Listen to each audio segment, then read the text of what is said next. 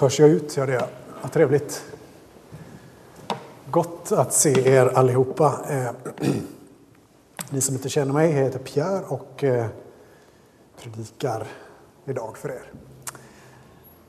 Nikodemus ska vi prata om. Eh, Johannes 3.16 känner ju alla till. Typ. Och eh, det vi ska göra idag, och lite, vad är det som leder fram till det här samtalet? Vad är det som är, vad är, det som är budskapet till oss här idag. Eh, och det finns, ja, den här texten är egentligen packad med information till oss. Den är, den är otroligt eh, eh, jobbig, faktiskt. Eh, och för Nikodemus eh, så är den så besvärlig att han blir helt tyst i slutet av det här när Jesus svarar honom. Han vet inte vad han ska säga. Den är jättejobbig för att Jesus bryter alla konventioner. Han eh, gör saker som ingen väntar sig och så är det med många av hans möten med eh, människor. Den serien vi är inne i. Ni vet bland annat om, förra veckan så pratade vi om när han möter kvinnan i Sykars brunn. Ingenting är normalt i den situationen. Och lika mycket här så är ingenting normalt när Gud, när Jesus själv eh, möter den här farisén. Eh, så jag ska bara ge dig lite bakgrund. Eh, Nikodemus, ni förstår vem det här är så här, som start. Nikodemus är medlem av Stora rådet. Det är alltså eh, de här, man, är, man är extra mycket fariséer kan man säga. Man har koll på alla lagar ännu mer än de vanliga fariséerna. Man ingår i det lagstyrande och lagstiftande rådet som kallas Sanhedrin, eller Stora rådet, i Jerusalem. Eh, det kan vi läsa om bland annat i korsfästelsen, alltså, under, alltså när det händer korsfästelsen och innan. Eh, när Jesus blir dömd och så är Sanhedrin med där och översteprästen river av sina kläder och säger att, att, Jesus hädar och sådär. Det är en annan story, men eh, så ni förstår vad det här är för ställe. Eh, Nikodemus kommer till Jesus en ah, man kan tro, man kan läsa ut lite grann, att det kan vara en väldigt stor, en stormig natt. Sen så kommer han längre, eh, som sen ni läste i texten så, så, eh, så, så pratar han om vinden som åker vart den vill och så, så man kan tänka sig att Nikodemus eh, och Jesus har den här konversationen när det är, blåser och stormar. Jesus tar ofta bilder av liksom, verkligheten så hela tiden. Så han kommer på natten. Varför kommer han på natten till Jesus? Han kommer på natten för att han vill ha egen tid med, med, med Jesus. Det är inte så mycket, man inte debatterar det så mycket. Eh, han kanske var sådär, men vänta nu här, jag kanske inte vill bli sedd av alla andra eh, fariséer. kan vara så, men antagligen vill han bara prata med Jesus. Han tänkte så här. Jag går till Jesus, jag är rabbi, jag är liksom högt uppsatt, jag är eliten, liksom. han kommer att lyssna på mig. Han kommer dit, han tänker nog så här, han kan tänka massa olika saker, men jag spekulerar lite i att han tänker så här. Eh, jag är rabbi, du är rabbi. Vi har lite liksom one-to-one vi två. Eh, vi är ju faktiskt, eh, alltså vi fattar varandra, vi kan lagen, vi kan Nya skrifter, vi fattar grejen liksom. Så här. Därför att han säger så här, alltså Nikodemus. Han börjar så här, rabbi, erkänn att du är en, en lärare här alltså. Vi vet att du är en lärare som kommer från Gud. Ingen kan göra det tecken som du gör om inte Gud är med honom. Låter inte det rätt så bra start? Alltså han erkänner ju liksom Jesu, okej okay, du, du, är, du, är, du är en bra gubbe. Du är så pass bra så att jag till och med säger att du är sänd från Gud, typ som profeterna. Du är liksom samma grej. Han, det låter ju jättebra inledning. Man kan ju tänka sig att Nikodemus tänkte så här. När jag säger det här då kommer han säga ja just det, det stämmer. Jag, jag, är, jag är, det är jag. Jag kommer här och eh, min idé här är att vara en lärare, som du är en lärare. Och eh, Nikodemus kanske tänkte så här, eh, skulle inte vi kunna samarbeta på något sätt? Du har bra saker att säga, vi eh, har bra saker att säga, så kan vi liksom fixa detta på något sätt. spekulation, men ändå, man kan tänka sig att det hände en del eh, idéer som Nikodemus hade inför det här samtalet.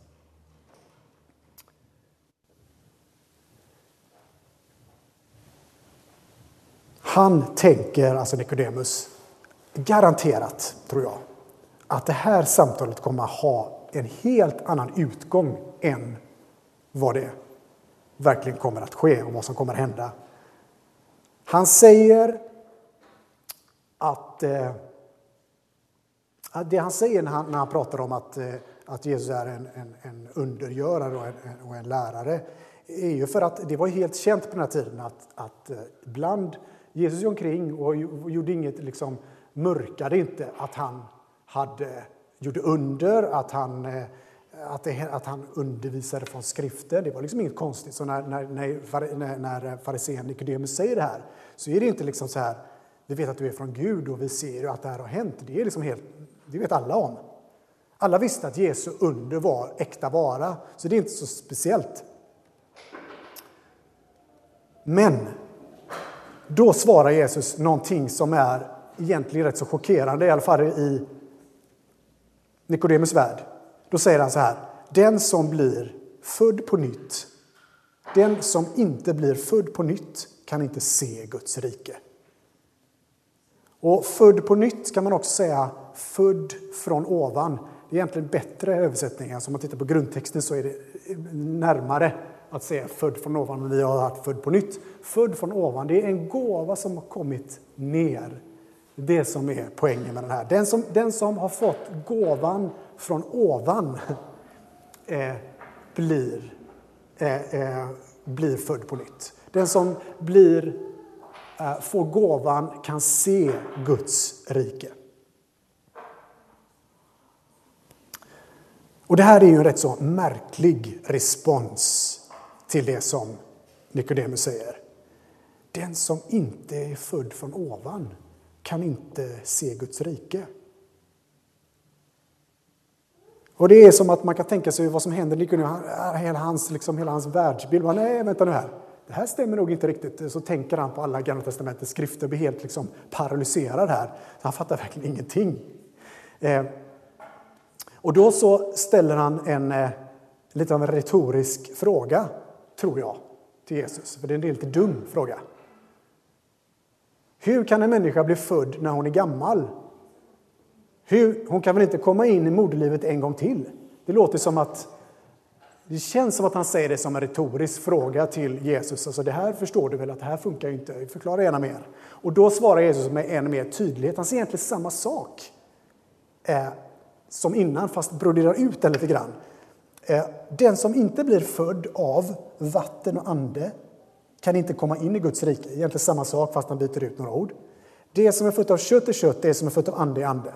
Och så säger han, var inte förvånad över att jag sa att det måste födas på nytt. Vinden blåser vart den vill och ni hör dess sus. Och du vet inte varifrån den kommer eller vart den är på väg. Så är det med var och en som är född av anden. Så då ska jag plocka ut några saker som jag vill prata om här.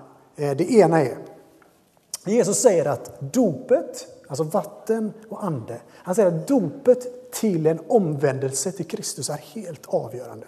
Och att då kommer också anden och det blir helt och hållet nödvändigt för att förstå eh, vem Jesus är överhuvudtaget. Så det här är början av en, som en kallelse till, om, till en omvändelsens dop. Och där verkar anden till en ny födelse där en människa kan se Guds verklighet, det kommer henne till del. Människan blir i den här händelsen återförd till Gud och blir igen Guds barn. Så Jesus säger att det finns en naturlig födelse och det finns en andra andlig födelse. Och varför är detta så viktigt? Varför pratar Jesus om detta. Varför sätter han allt ljus på att du behöver bli född från ovan?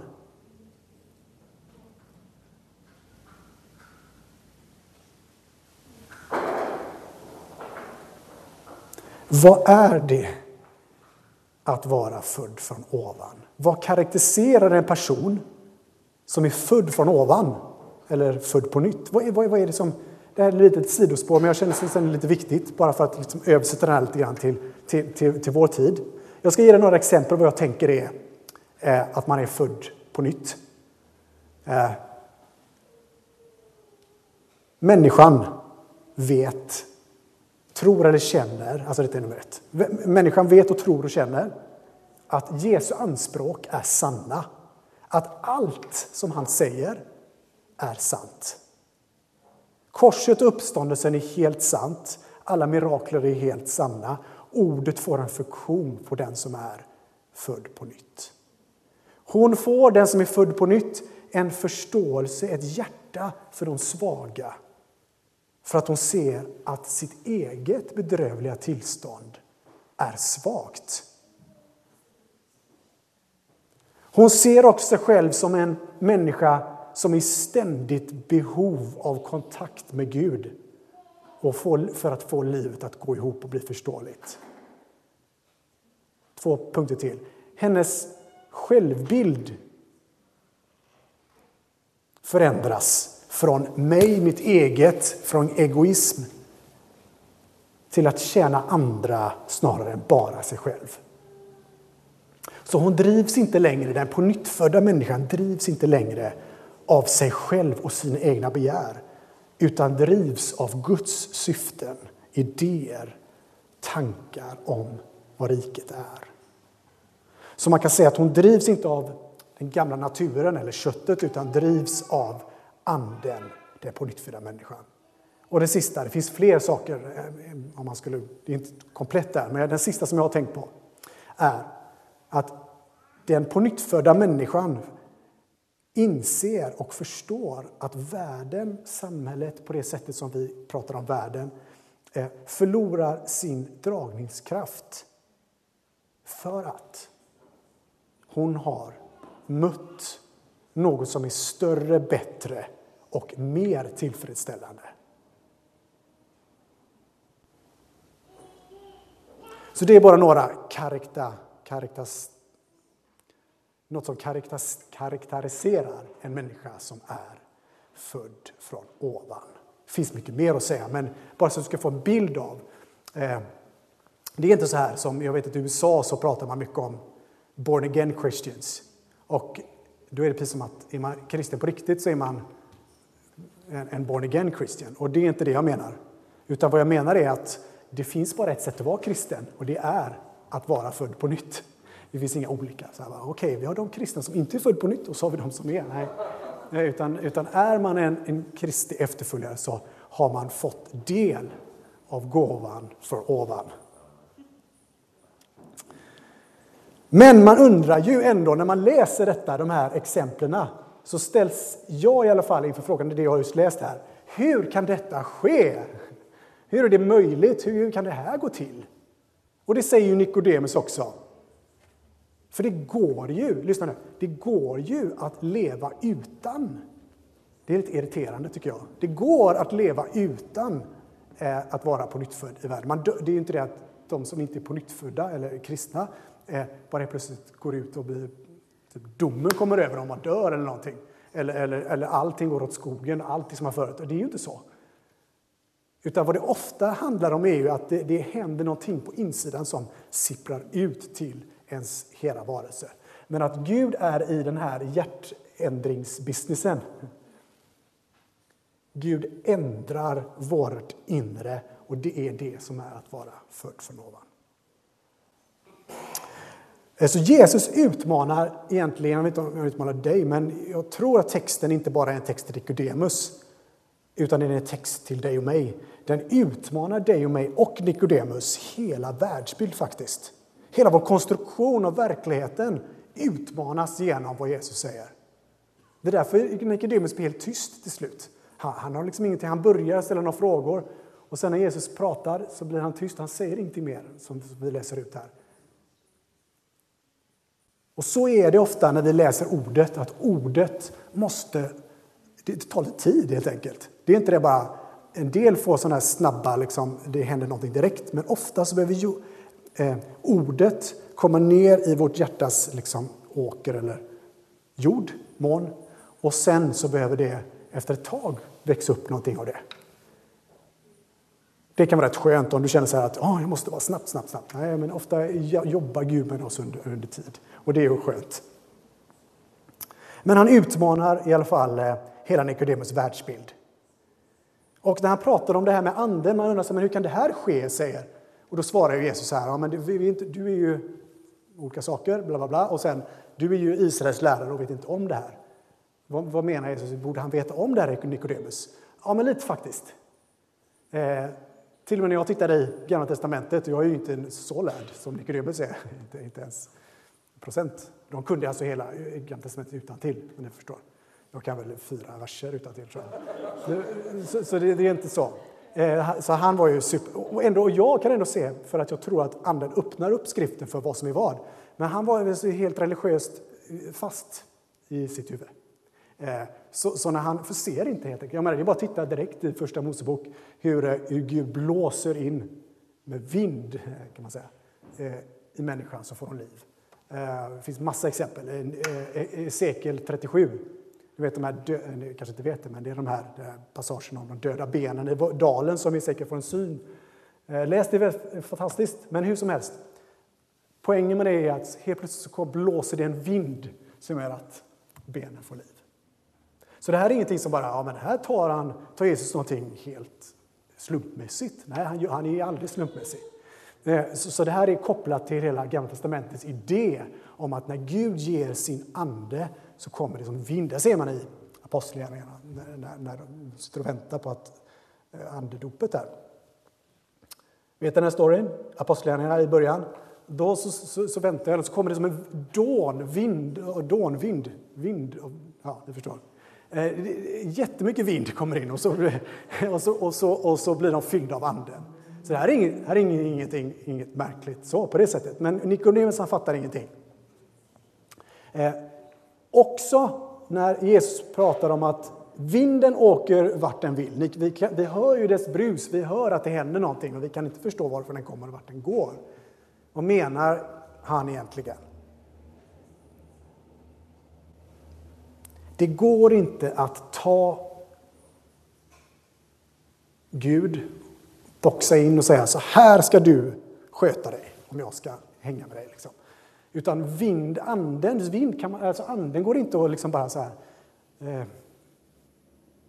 koncentrera in och säga att om jag gör så så gör du så. A blir B, eh, lite linjärt så här. Det går inte, tror jag. Utan vad, vad som går däremot är att alltid tro att anden som rör sig kommer oss till del när vi tror att det som Bibeln säger är sant. Gud kan inte boxas in till våra mänskliga strävanden. Men vi kan vänta, vi kan, eh, vi kan be medan vi väntar, vi kan fasta och läsa Bibeln om vi vill, men det är inte det som är avgörande. Utan vad vi behöver göra är att vänta på att gåvan ska komma oss till del. För att det ska vara en gåva och inte självuppfyllt eller självgjort. Hur går det till? frågar Nikodemus. Den här långa utläggningen som Jesus har på svar på den här frågan fortsätter ju hela det här kapitlet. Så allting som, som det här handlar om är egentligen att det pekar mot vad? Jesu kors. Det är det som hela hans fortsättning, eh, Johannes 3.16 som är en känt bibelställe, pekar på. Det är först när Jesus har dött, uppstått, som gåvan helt ges. Det är först när han kommer och gjort sitt verk som gåvan ges till människan. Och det här har eh, eh, Nikodemus missuppfattat. Han tänker så här, ja, men, eh, alltså, fariséerna tänkte så här. Det kommer komma en Messias vi inte när. Han kommer att vara inte Gud utan en man, en vanlig människa. Och han kommer att komma och han kommer att göra dom överallt. Han kommer att kasta ut romarna. Han kommer att bli som en krigsherre. Liksom. Det är det som är deras bild av det. Så, eh, så, så därför så har Nikodemus en helt annan idé av vad Messias är, eh, men, vad Jesus är. Men Jesus berättar och förklarar att det är inte det detta handlar om. om han förklarar att det finns, det finns bara en person, en man, han själv, Gudsmannen Jesus som kan fixa så att gåvan från att bli född från ovan kan fungera för alla människor. Så han pekar framåt i sin i sitt tal till Nikodemus, eller till sin utläggning i sitt samtal. Han pekar framåt mot vad som kommer att hända. Och här har vi också eh, problem, tror jag. Vi har, eh, jag vet inte om du har det, men många har problem med att Jesus är mer än en god morallärare, en undergörare, en, en, en snubbe som sa bra saker. För det är otroligt radikalt och jobbigt. Att det finns ingen annan väg än att förtrösta helt och hållet på att Kristus är den som ger som gör hela skillnaden. Det är otroligt mycket jobbigare än att tänka att jag gör mitt, jag gör min grej Eh, och så gör du din grej, Gud. Jag gör det som jag är bra på. Jag har kört 24-7-bön. Eh, Gud, jag gör det en vecka. Eh, nu raljerar lite, ursäkta mig. Eh, jag gör alla de bra grejerna. När jag har gjort de bra grejerna, så, så, så, som ett svar på det, så kommer du Gud att eh, ge mig av ditt goda. Det låter som ett rimlig grej. Liksom. Jag gör något, Gud gör något. Eh, sådär. Som man gör i relationer, eh, typ. Lite växelverkan. Och så är hela det kristna budskapet att när jag erkänner att jag kan inte göra något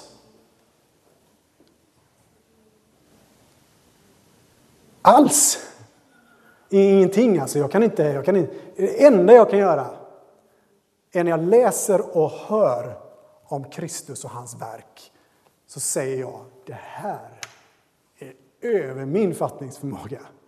Det här går ju inte ihop, jag fattar ingenting. Det verkar som att Nikodemus sen blev en Kristi lärjunge. Det verkar så, för han var ju med i, och, och tog hand om Kristi kropp efter han blev korsfäst. Då. Det verkar som i texterna längre fram i, i Bibeln att, att, han, att det hände någonting.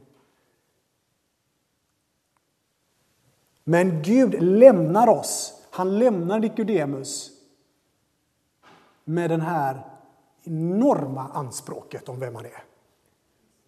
Han säger, jag är inte bara en lärare. Jag är din räddare. Frälsare är ett gammalt ord.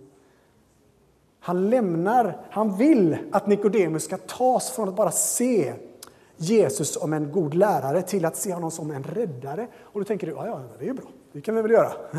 Sådär.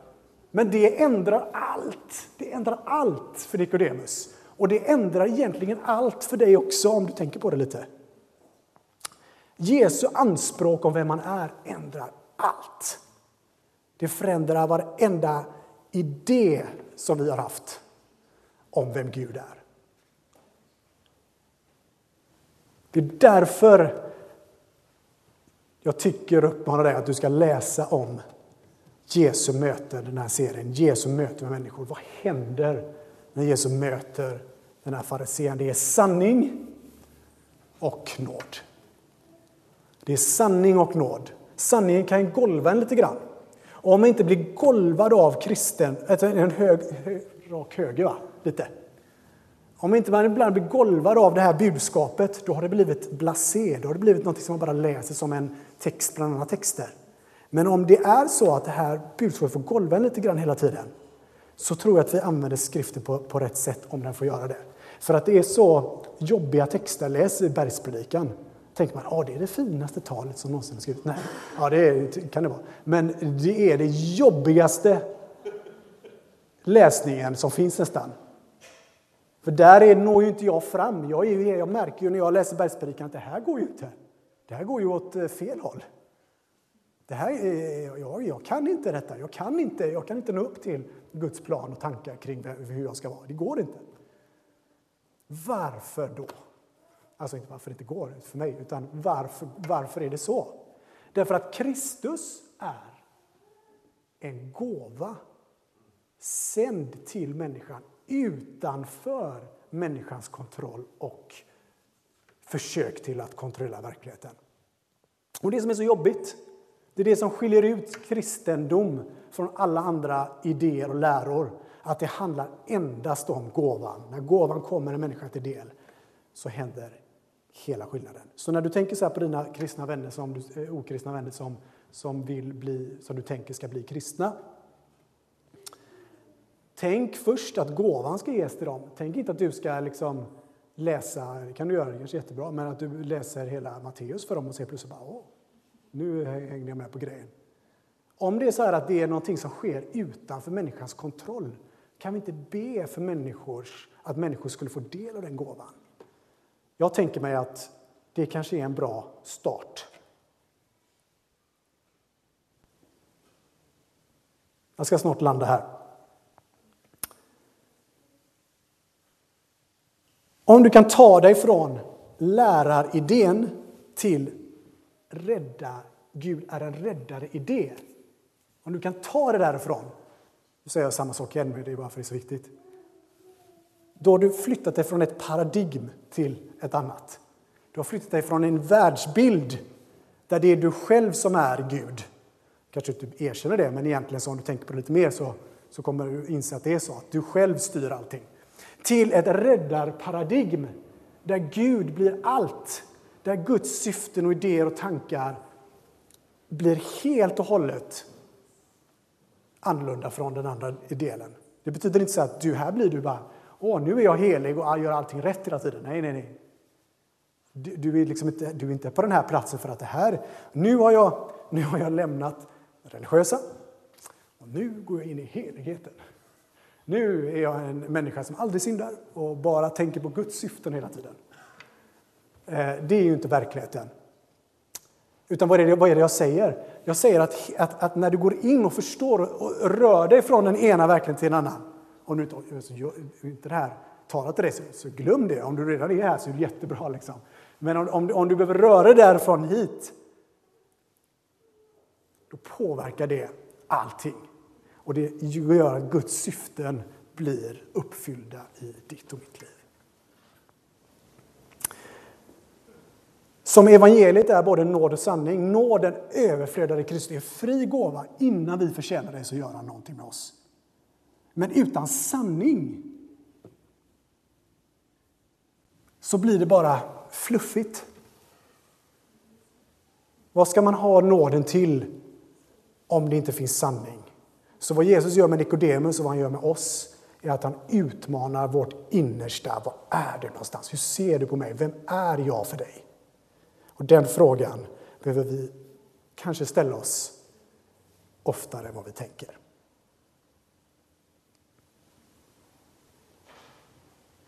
Med Jesus så finns det ingen middle ground.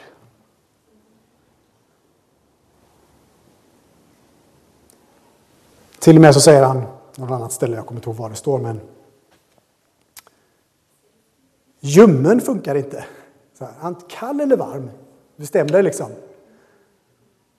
Kall eller varm. Ljummen blir inget bra. Och därför varför? Jo, därför att han är först och främst en räddare. En räddare som ger sin gåva fritt och förintet. Jag ska läsa en sista bibelvers, det är en mening. I Hebreerbrevet 4 och 16 står det så här. Låt oss därför frimodigt gå fram till nådens tron för att få barmhärtighet och finna nåd till hjälp i rätt tid. Amen. Tack Gud att du arbetar med ditt ord i våra liv. Tackar dig för att du hjälper oss där vi är svaga. Tackar dig för att du vill föra oss till en plats där vi förstår vem du är mer och mer. Tackar dig för din kärlek, din glädje, din nåd. Tackar dig för att du har våra liv i dina händer. Tackar dig för att du inte lämnar oss ensamma. Tackar dig att när vi går igenom den här veckan så får vi bli påminna om ditt rike, dina syften, din design, dina idéer om vem du är och vad du har för oss. I Jesu namn. Amen.